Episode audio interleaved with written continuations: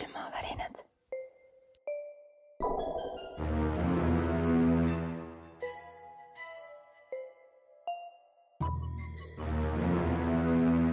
külmavärinad.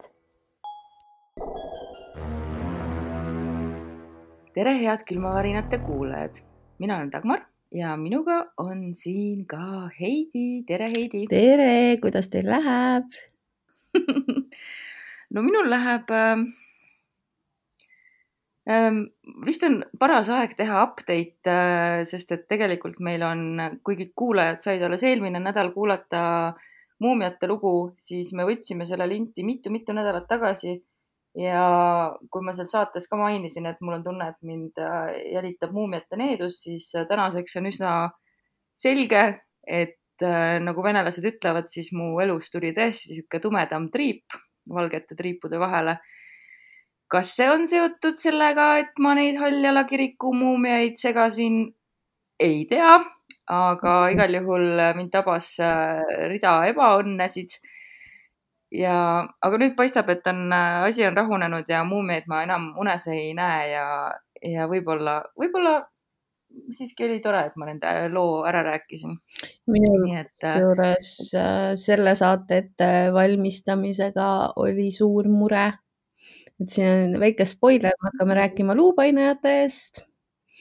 ja, ja ma nii kartsin iga õhtu, kui ma magama läksin, et no nii, nüüd tuleb üks neist ja võtab mu käsile aga õnneks mul oli sama. aga õnneks nii ei läinud, ma loodan, et edaspidi äh, läheb sama hästi mul ei ole kunagi enda teada niisugust klassikalist luupainajat olnud ja, ja siis, kui ma selle teema kohta lugesin ja kui ma seda õhtuti tegin, siis mul oli täpselt samasugune hirm mm. -hmm. et, et nüüd nüüd on ka minu tund tulnud ja ma püüdsin äh, väga vältida nende lugude õhtul lugemist, aga paraku ikka meie uurimistöö tavaliselt toimub õhtuti. mina suutsin täiesti ära pöörata, ma lükkasin kardinad nii nurkadesse tuppa, kui saab, nii et keegi sinna taha ei mahuks. ma vaatasin enne voodisse ronimist nii voodi kui teki alla nii et. aga me vist, ähm, meil materjali on nii palju, siis meil tuleb äh, topeltepisood me räägime täna mõned lood ja järgmine nädal mõned lood äh, ja pärast seda tuleb äh, kuulajate saade ehk siis kui teid need luupainete lood kuidagi kõnetavad, siis on praegu just parim aeg need teele saata, sest et äh, enne jaani saavad need ka ette loetud. Heidi, tuleta meelde, kuhu saab meile kirju saata? meile saab väga hõlpsalt kirjutada nii Facebookis kui Instagramis, klikkides ainult ühele nupule. sealt leiab meid äh, nimelt külmavärinad või siis äh, Gmailile ja siis aadress oli meil külmavärinad.gmail.com ja Y või oi, näe, vaata, ikka läheb segamini. Äh,. Ü asemel Ü asemel on Y ja Ä asemel on aadressis siis A mm. -hmm. Mm -hmm. kirju me ootame, kirju me oleme ka saanud, aga, aga mina kahtlustan isiklikult, et äh, luupained, kuigi mina ei ole seda kogenud, on teema, mida, mida jällegi väga paljud meie kuulajad võib-olla on omal nahal just tundnud. aga lööme siis selle, miks ma ütlen tahad jälle? see ei ole ma tahan midagi jälle lahti lüüa teeme siis otsad lahti sellel saatel ja kuna, nagu ma juba mainisin, ma olen vist igas saates seda öelnud, materjali ei ole nii palju, siis me püüdsime teha mingid valikud, vaatame, kuidas meil äh, see välja tuli. Äh, Heidi, kas mina pidin alustama? ja, sina pidid alustama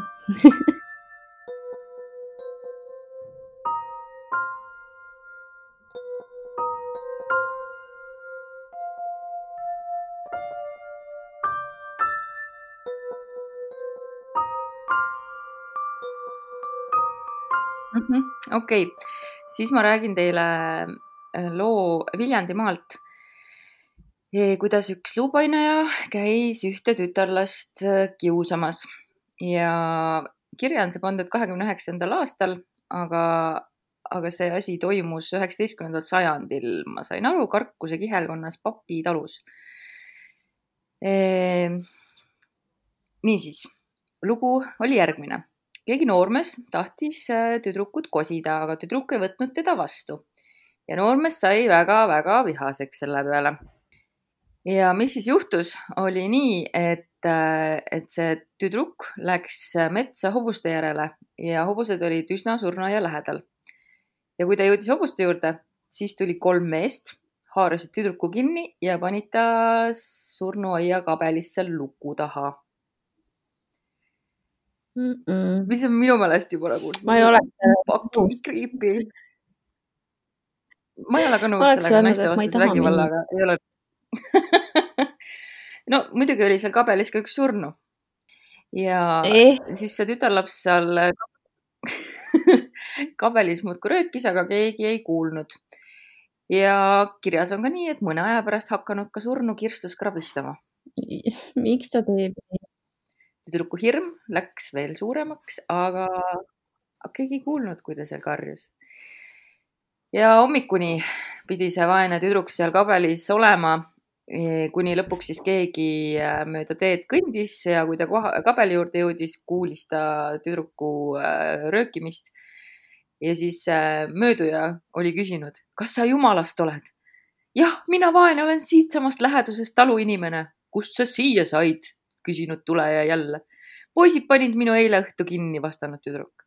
ja siis tõmbas see mees äh, puu, mis ukse taga oli, eest ära ja õnnetu tüdruk pääses välja, aga sellega tema kannatused alles algasid loomulikult. jumala eest. Äh, tüdruk läks rahulikult koju. aga tal hakkas luupaine seljas käima esimest korda tulnud luupaine ja nõnda. Tüdruk magas rahulikult sängis, kui tulnud Karkuse mõisa omanik ja tahtnud teda oma võllas, ei, mitte võllas, tõllas viia surnuaia kabelisse.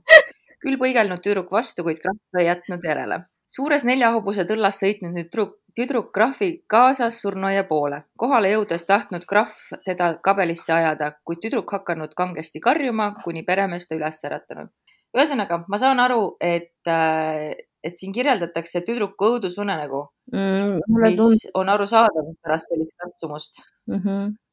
et sa hakkadki nägema, et sind tahetakse sinna kabelisse viia. nii et, äh, et see pole vist veel päris klassikaline luupaine, eks ole? ei ole. aga teinekord maganud tüdruk jälle, kui keegi noormees tulnud ja ta surnuaia lähedale viinud. seal olnud palju noormehi, kes uhkelt riides pilli mänginud tema vaeseke pidanud seal nende eest tantsima, küll ta katsunud ära põgeneda ja vastu panna, kuid midagi ei aidanud, ta pidanud kõiksugu tantsud ära tantsima, enne kui lahti pääsenud. nõnda vaevatud teda alati ja tüdruk siis lõpuks äh, läks nõia juurde abi otsima. E, nüüd tuleb siis see huvitav osa, mis äh, paljudes lugudes, vanarahva lugudes äh, kordus, et kuidas luupainajat ära tunda ja nõid andis siis sellist nõu talle, et kõigepealt ta andis äh, savisse kastetud nuudi ja öelnud tüdrukule, et äh, luupaine tal koju minnes tee peal jälle ees on. ja siis pidi see tüdruk selle piitsaga äh, lööma seda, kes tüdrukut kõige rohkem kisub mm. -hmm ja tüdruk läks siis koju ja poolel teel äh, tuli kaks noorhärrat vastu ja siis tema õpetuse järele löönud Äh, käed kahele poole laiali, mispärast ka noorhärrad teda kätte ei saanud.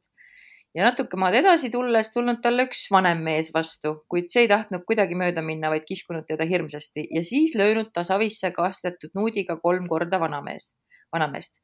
nüüd lasknud vanameest ta lahti. nõid õpetanud ka, et see mees, kes teda kõige rohkem kisub ja keda ta piitsaga lööb, kohe järgmisel hommikul sinna talusse mingit asja otsima tuleb siis võivad nad teda nuudijuttidest, mis riietel on, ära tunda. järgmisel päeval tulnud naabri peremees puukoormaga metsast. sinna talu kohale jõudes läinud temal look katki ja ta läinud tallu uut looka paluma. kolm savijutti olnud vammuse peal. sellest tundnud siis tüdruk oma luupainaja ära, sellest ajas kadunud aga ka luupainaja igaveseks. mul on natuke segane selle loo osas see, et, et kas see, kui ta piitsaga peksis, oli nagu unes. see oli ka unes, jaa ahah, okei okay.. see oli raudselt tund-. no ja, et sa näed nagu päriselt oma naabrimeest, onju mm. -hmm. ja lööd teda nuudiga, siis sa ju tead, et see on tema niikuinii. no täpselt. nii et ühesõnaga see vaene PTSD-d kannatav ja traumeeritud tüdruk äh, sai oma õudusunenägudest lahti niimoodi, et ta põhimõtteliselt siis vaatas oma hirmule otsa oh,. on lühike nõuanne. ja kasulik nõuanne ja toimiv nõuanne. ja kasulik nõuanne mm. -hmm. Mm -hmm. nii et äh, pekske julgelt piitsaga aga võta sina nüüd ots enda kätte, piitsa ots. piitsa ots, ma, ma hakkan nüüd ennast piitsutama et. Äh, natukene valus teema minu jaoks, sellepärast et sihuke kuus-seitse aastat tagasi olid need luupainajad mul äh, hästi tihedad külalised. ja hakkas äh, see nii, et mina olin just läinud lahku oma esimese lapse isast, kolisin lapsega ära, saime endale uue koha ja need olid esimesed ööd seal siis ööbimist. ja läksin magama. Ja kuskil öösel äh, tundsin, et, äh, et miski nagu lämmatab mind ja ma ei saa liigutada absoluutselt, ma ei saanud hingata normaalselt ja, ja ma ei saanud mitte poolt sõnagi suust, ainult mingi sahin nagu. ja ma ei tea, kaua see kestis, aga see tundus, et see kestis terve igaviku.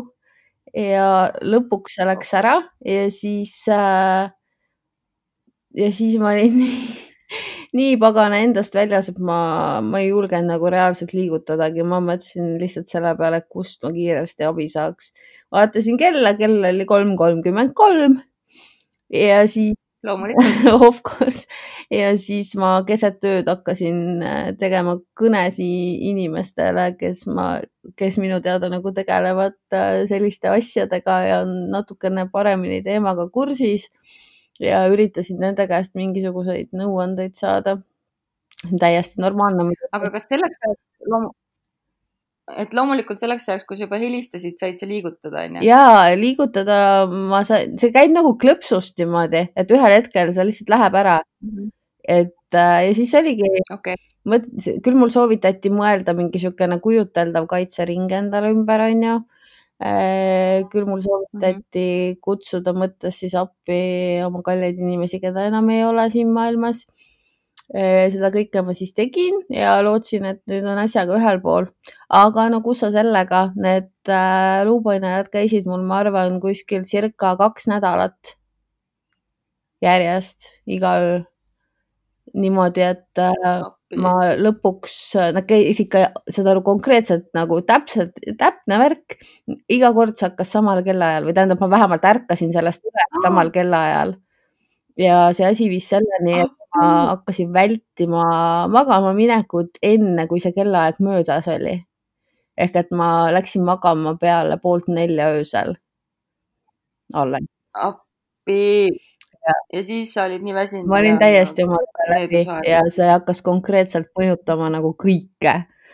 ja no, no täpselt ja ühel hetkel, ma ei tea, lihtsalt äh, jäin kogemata magama õhtul varem magasin ilusti hommikuni, mitte midagi ei juhtunud ja olidki täiesti kadunud ja ma ei tea, miks see just siis toimus, kui see toimus või miks see ära kadus. aga mõned kuud hiljem äh, suri mu vanaisa ära. ja siis äh, natuke peale seda äh, me läksime esimest korda sinna tema majja siis nii-öelda meie maakohta, kus ta, tema elas äh,. Läksime, jäime ööseks ja mina magasin siis vanaisa voodis see öö. ja arva ära, mis tagasi tuli. no tere, lubaja mm. -hmm.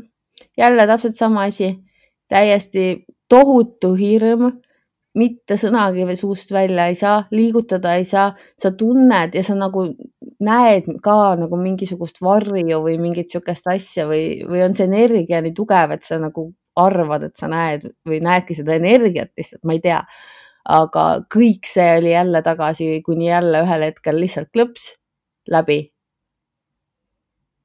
et ja peale seda nüüd tui-tui-tui, mul ei ole olnud nüüd siis kuskil kuus aastat mitte ühtegi luupainajat ja päriselt, kui ma siin seda materjali sorteerisin ja otsisin ja tegin, siis ma olin, ma olin nii hirmul, sest see on nii jube.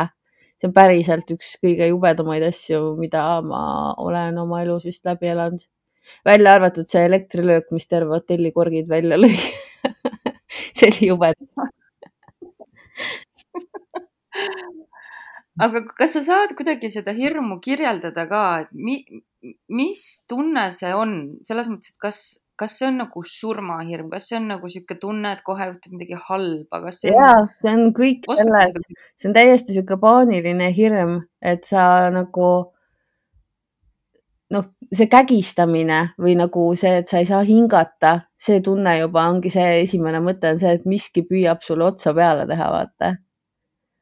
Et, äh, et selles hetkes nagu lihtsalt kannatada seda, see on nagu umbes midagi sellist, nagu keegi kaifiks seda, kuidas ta sinust vaikselt elu välja pigistab. ja see on, on nii vastik nagu, see on nii vastik, kui muidugi see positiivne noot selle juures, kui üldse midagi positiivset nagu saab välja tuua, oli see, et äh, kui see nagu tihti juhtub, siis sa lõpuks saad aru, et, äh, et see, see ei lõppe nagu selles mõttes kuidagi fataalselt, eks. et, et see saab ühel mm. hetkel lihtsalt läbi ja, ja sa lihtsalt ootadki selle aja ära ja, ja üritad kuidagi nagu rahulik olla, sest ongi see, et su mõistus töötab sellel ajal nagu täiesti normaalselt, aga sa oled äh, täiesti liikumatu ja sa ei saa mitte midagi öelda. Et isegi kui keegi su kõrval magab, sa ei, sa ei saa nagu käega mingi raputada, et umbes, sest esimene mõte on see, et vaata, mingit abi on nagu vaja, onju et sellest olukorrast välja tulla mm. -hmm. ei saa mitte midagi teha ja see inimene su kõrval ei tea mitte midagi, mis sinuga toimub. et jah. aga kas see juhtus sul niimoodi, et sa ärkasid selle peale üles, et see ei olnud niimoodi, et sa hakkad magama jääma või et sa hakkad ärkama ja siis seal une vahel hõljudes, vaid sa ärkasidki, sa olid sügavas unes ja ärkasid selle peale, et keegi lämmatab sind. jaa, ma ärkasingi selle peale ülesse. see oli täiesti õudne, ma tegelikult ma nii, nii, nii loodan, et niisugust asja ei tule nagu kunagi enam. see oli ikka tõsiselt nasty ja see, kuidas see nagu noh, täna ma oskaks juba võib-olla midagi peale hakata selle asjaga, et siin puhastada ja teha ja, ja aga toona mul ei olnud nagu absoluutselt halli aimugi ja ma ei saanud üldse aru, mis või miks toimub või miks minuga see oli põhiküsimus. et jah. noh, mul on nii kahju, et sa oled pidanud elama üle sellist asja. aga ju see oli äkki millegi jaoks siis vajalik, ma ei tea. sa saaksid sellest külmavärinast rääkida selle jaoks võib-olla tõesti, aga, aga ma ei tea, ma ei, ma, mul praegu on täiesti kananahk, sellepärast et ma. mul oli ka. nagu tulid nagu kerged flashbackid sellest kõigest ma ei tea, kas see mängib mingit olulist rolli, vaata, ma olen sulle kunagi rääkinud, et ma olen unes ette näinud äh, surma palju ja sellel on tasakaalus ka ühte sündi et, et see esimene luupainaja oli mul samal ööl, kui ma nägin elus esimest korda surma ette. et ma ei, ma ei tea, kas need on omavahel seotud kuidagi või ei ole, aga.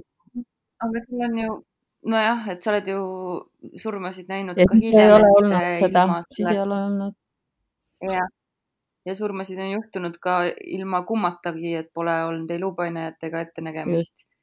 aga võib-olla lukustas midagi lahti. käis lihtsalt raputamas. jah, käis raputamas. tõesti, jah ja natuke vaatamas. no näed, vaata, leidsimegi ühe positiivse asja veel, ma sain lahti raputatud lahti lämmatatud, sorry. lahti lämmatatud, suurepärane. Selle lõigu paneme sotsiaalmeediasse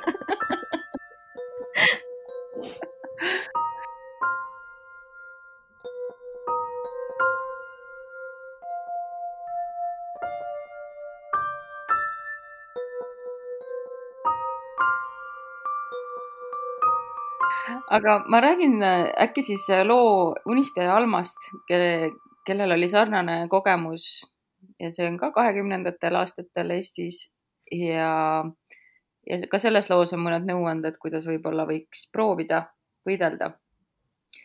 absoluutselt, ma kuulan pärit on see lugu kolmekümne kolmanda aasta seitsmenda jaanuari väljaandest nimega Põhjakodu. Ja pealkiri oli, oli kaunis Paha vaim, kelle vastu kirikuõpetajagi ei saanud. kõlab nagu pealkiri, mille mina, mina mhm. paneksin niisiis, unistaja Alma oli kõige ilusam tüdruk terves kihelkonnas.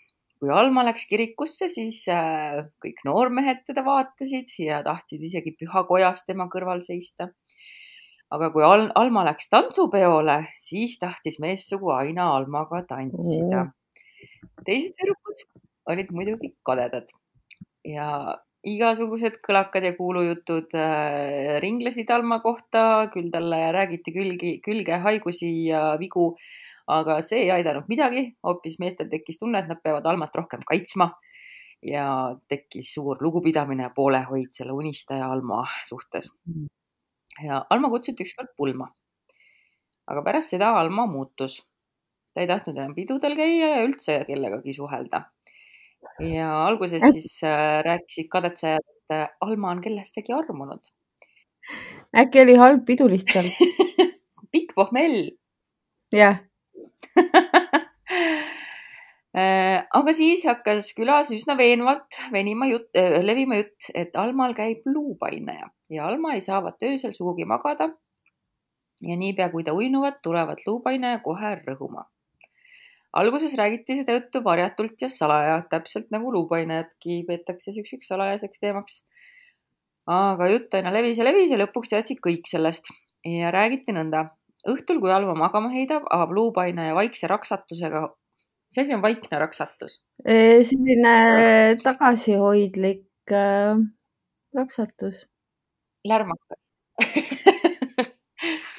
niisiis avab vaikse raksatusega ukse, hiilib tasahilju Alma voodi ette, köidab magaja liikmed äh, ja äratab siis tüdruku. suuril silmil vaatab siis vaene tüdruk oma piinajat, kuid ei saa appikarjuda ega sõrme otsagi liigutada. ka ei tunne ta oma piinajat, sest see on moondanud enese kas kassiks, maoks või koguni mõneks asjaks. alles siis saab vaene tüdruk piinast lahti, kui isa või ema ta tõelisele äh,, ma selle mingi märksõna, ühesõnaga, kui ta ema või isa ta üles äratab. Või kui saab vaevatu ise kuidagi issa meiet lugeda või kuidagi suurvarvast liigutada. kas sa mäletad, mis ma ütlesin sulle üks öö või? või tähendab pärast ühte ööd mm,? et sa teed seda, et sa paned meelega oma suure varba teki alt välja ei, ei, ja seda ka, aga mäletad, ma kirjutasin sulle siis, kui oli see imelik aeg, kus kõik asjad juhtusid mm. ja ma nägin muumiaid unes ja siis ma ütlesin sulle mingi hommik, et, et ma mäletan, et ma lugesin öösel isse meie palvet, aga ma ei mäleta. ja seda sa ütlesid küll, jah. ja ma nii hästi mäletan, et ma lugesin seda, aga ma ei mäleta, miks. ja ma ei mäleta sellist nagu, ma ei mäleta nagu mingit halba tunnet või hirmu või midagi, aga mingil põhjusel ma lugesin öösel unes issa meie palvet ma ei oska praegu öelda, kas ma, see pidi olema ikkagi pärast seda äh, research'i tegemist, sellepärast et äh, et ma võtsin vaata väikse pausi, ma ei suutnud üldse tegeleda selle külmavärinate teemaga, sest et mul oli, oli veits. muutus natuke raske. liiga reaalseks, jah? jah, just. okei okay,, niisiis äh, Issa meiet lugeda äh,. ja siis nad kirjutasid veel, mis ilmselt on asi, millele sa alla kirjutad, et äh, raske on iseennast aidata, sest liikmed on elutud nagu tinast ja mõte on suunatud ainult hirmu tundmisele mm. -hmm, nii on jah. ja kui piinatu ärkab, siis on ta kahvatu ja külm nagu surnu, keha kaetud külma higiga. aa jaa, see külm higi oli ka täiesti teema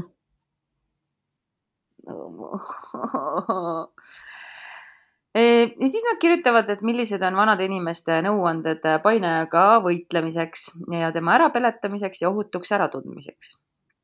aga vähemalt siis, kui Alma neid proovis, ükski ei äh,, ei aidanud, aga näiteks võib äh, kirjutada uksele piiblisalme ja teha rist. aga kui Alma seda tegi, siis tuli luupainaja aknast kui oli aken piiblisalmidega ja ristidega suletud, siis tuli luupaine korstna kaudu ahjust, teatades oma tulekust ahjuukse lõgistamisega. kui aga seegi oli takistusega suletud, siis tõstis äh, luupainaja lae nurga ragistades üles ja puges sealt tuppa. mida? isegi seinapalke kergema ja tuli sealt sisse, kui olid muud teed suletud okei okay. ja kui pandi piib, piibel magaja rinnale, siis hiilis luupainaja voodi alla ja tõstis vaevleja ühes voodiga üles. see kõlab nagu veits. Noh. ma ei teadnud, et luupainajad mööbli liigutamisega tegelevad nojah ma ka ei teadnud ei aidanud lõpuks ka see, kui kaeti magaja igakülgselt piiblisalmide ja ristidega, siis hõljus ta nagu suur nahkhiir magaja kohal ja vehkis talle oma tiibadega rammestavat hirmuvõlu. käidi nõu küsimas ka kirikuõpetajalt ja kirikuõpetaja arvas, et äh, see kõik on üks suur ebausk. Ja ainuke nõuanne, mis kirikuõpetaja andis äh,, on juua enne õhtul äh,, õhtul enne magama minemist, juua külma vett. ai, no see on küll hea nõuanne minu arust ka. ja siis vaene Alma kannatas luupainaja käes kaks aastat ja viimaks siis seati luupainale lõks ja kahjuks ei ole sellest eriti pikalt kirjutatud, on vaid öeldud, et ta tunti ära ja peale selle ta enam ei ilmunud. ja see, kes selle loo siis äh, ajalehte saatis, äh, oli siis selle Alma venna sõber ja siis see vend oli talle seda kõike rääkinud ja oli ise seda traagilist piima näinud, piina näinud, traagilist piima. Ehm, niisiis, siin on jälle seesama, et tuleb ära tunda see luupaine, aga kuidas sa selle lõksu seadjad ära tunned? vot ei tea. Savi ja vits, noh. jah, savi ja vits ah,, võib-olla, võib-olla. aga igal juhul see tundub äh, kohutav. see ongi kohutav. ma ei, ei. ei meeldi mõte sellest, jah? ei meeldi üldse mõte sellest. kaks aastat, oi jumal. no iga öö oli siis või? Ma ei tea, ei olnud siin rohkem täpsustusi. aga võimalik. mitte, ei, ma ei usu, et iga öö ligi kaks aastat, noh jah.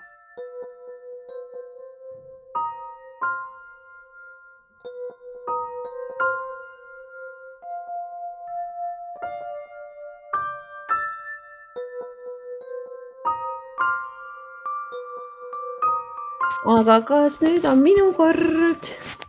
nüüd on sinu kord. mina siis äh, leidsin paraveebist ühe siukse üsna creepy kirjelduse luupainajast, mis äh, peab mainima, et ma, ma, ma siinkohal mõtlesin seda lugedes, et mul läks ikka jube hästi oi, oi, oi, oi, oi, oi, oi mm. -hmm.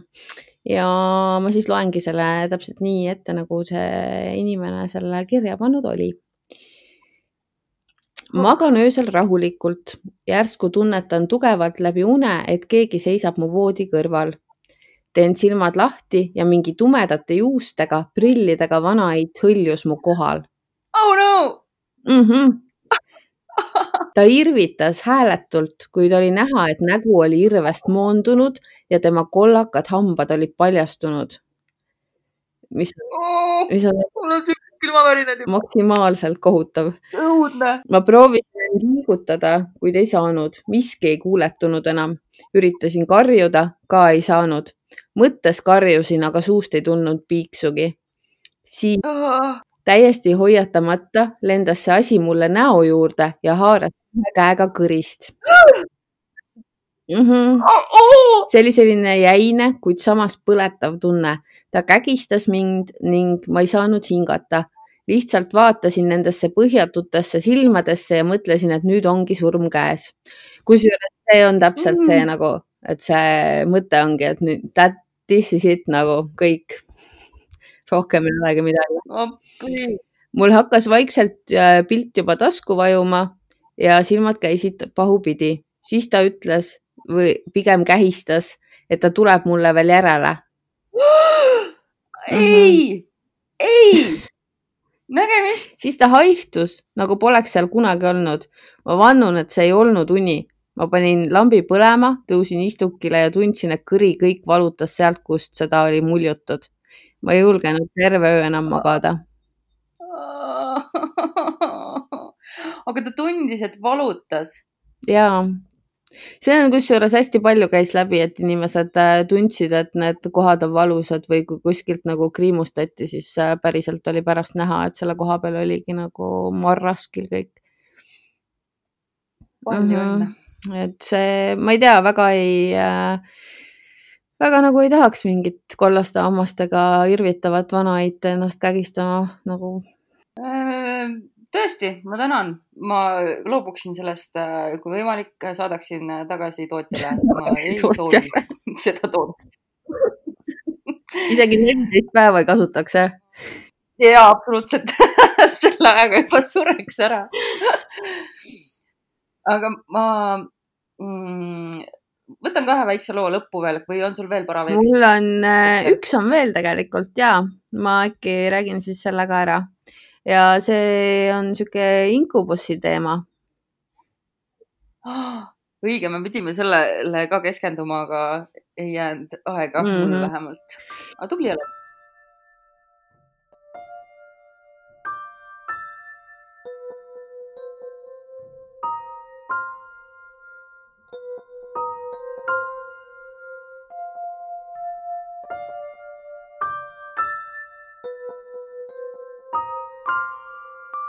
minu pealkiri on seksipainaja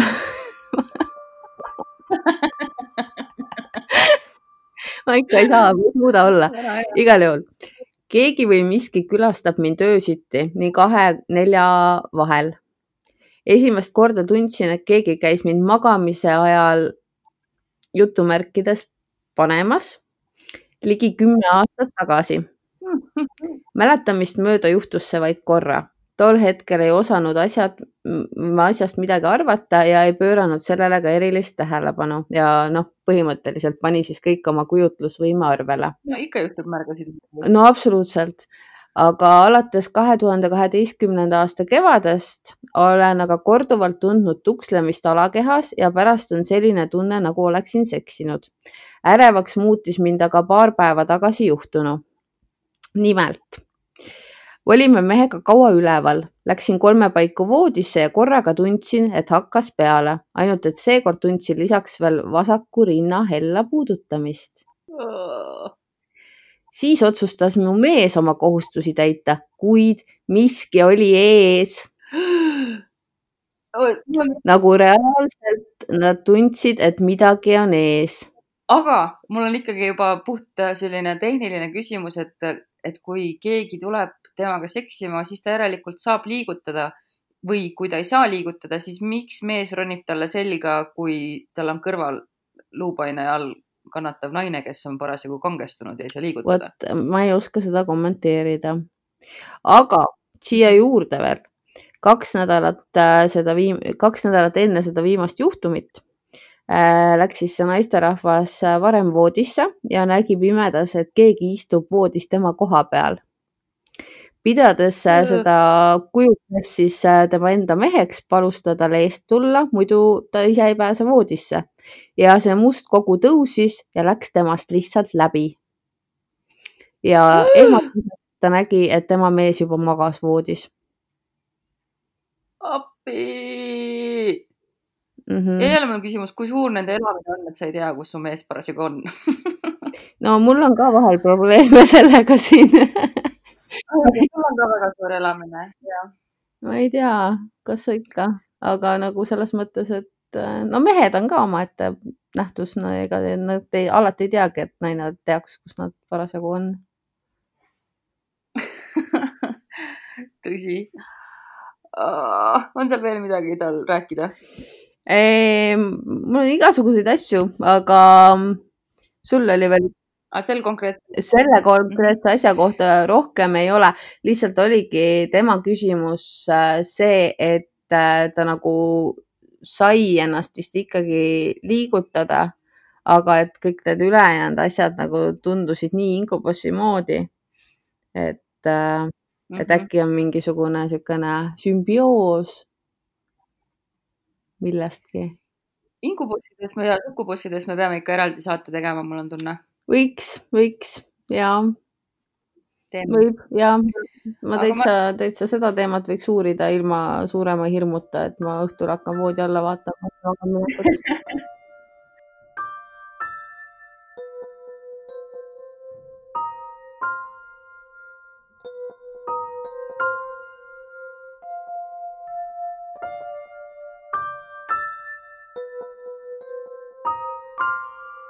aga ma siis lõppu võtan ühe humoorika loo ja siis me pidime veel täitsa lõpus korra rääkima, mis on luupaine ja kuidas tema vastu võidelda, ei või, et mis on luupaine ja definitsioon või ja. mis see oli, millega me pidime lõpetama? aastal kaks või mhm. tuhat kaheksasada üheksakümmend kolm vähemalt oli nii.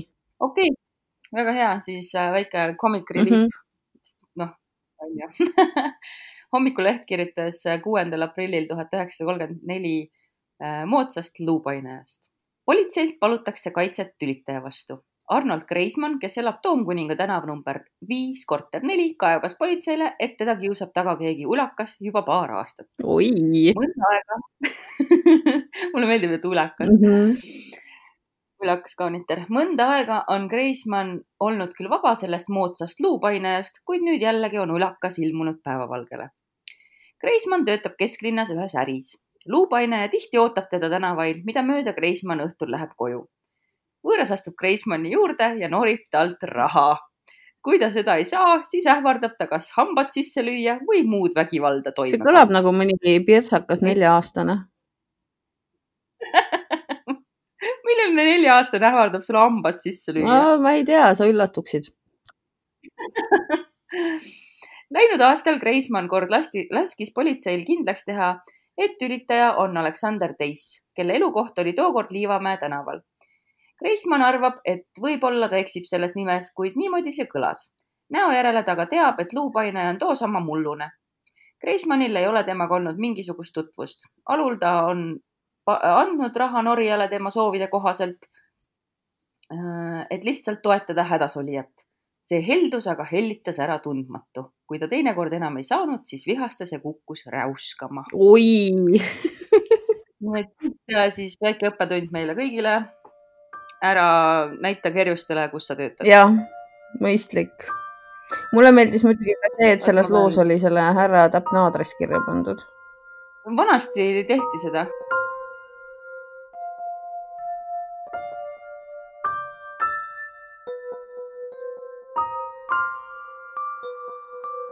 leidsin niisuguse toreda asja eh, aastast siis tuhat kaheksasada üheksakümmend kolm.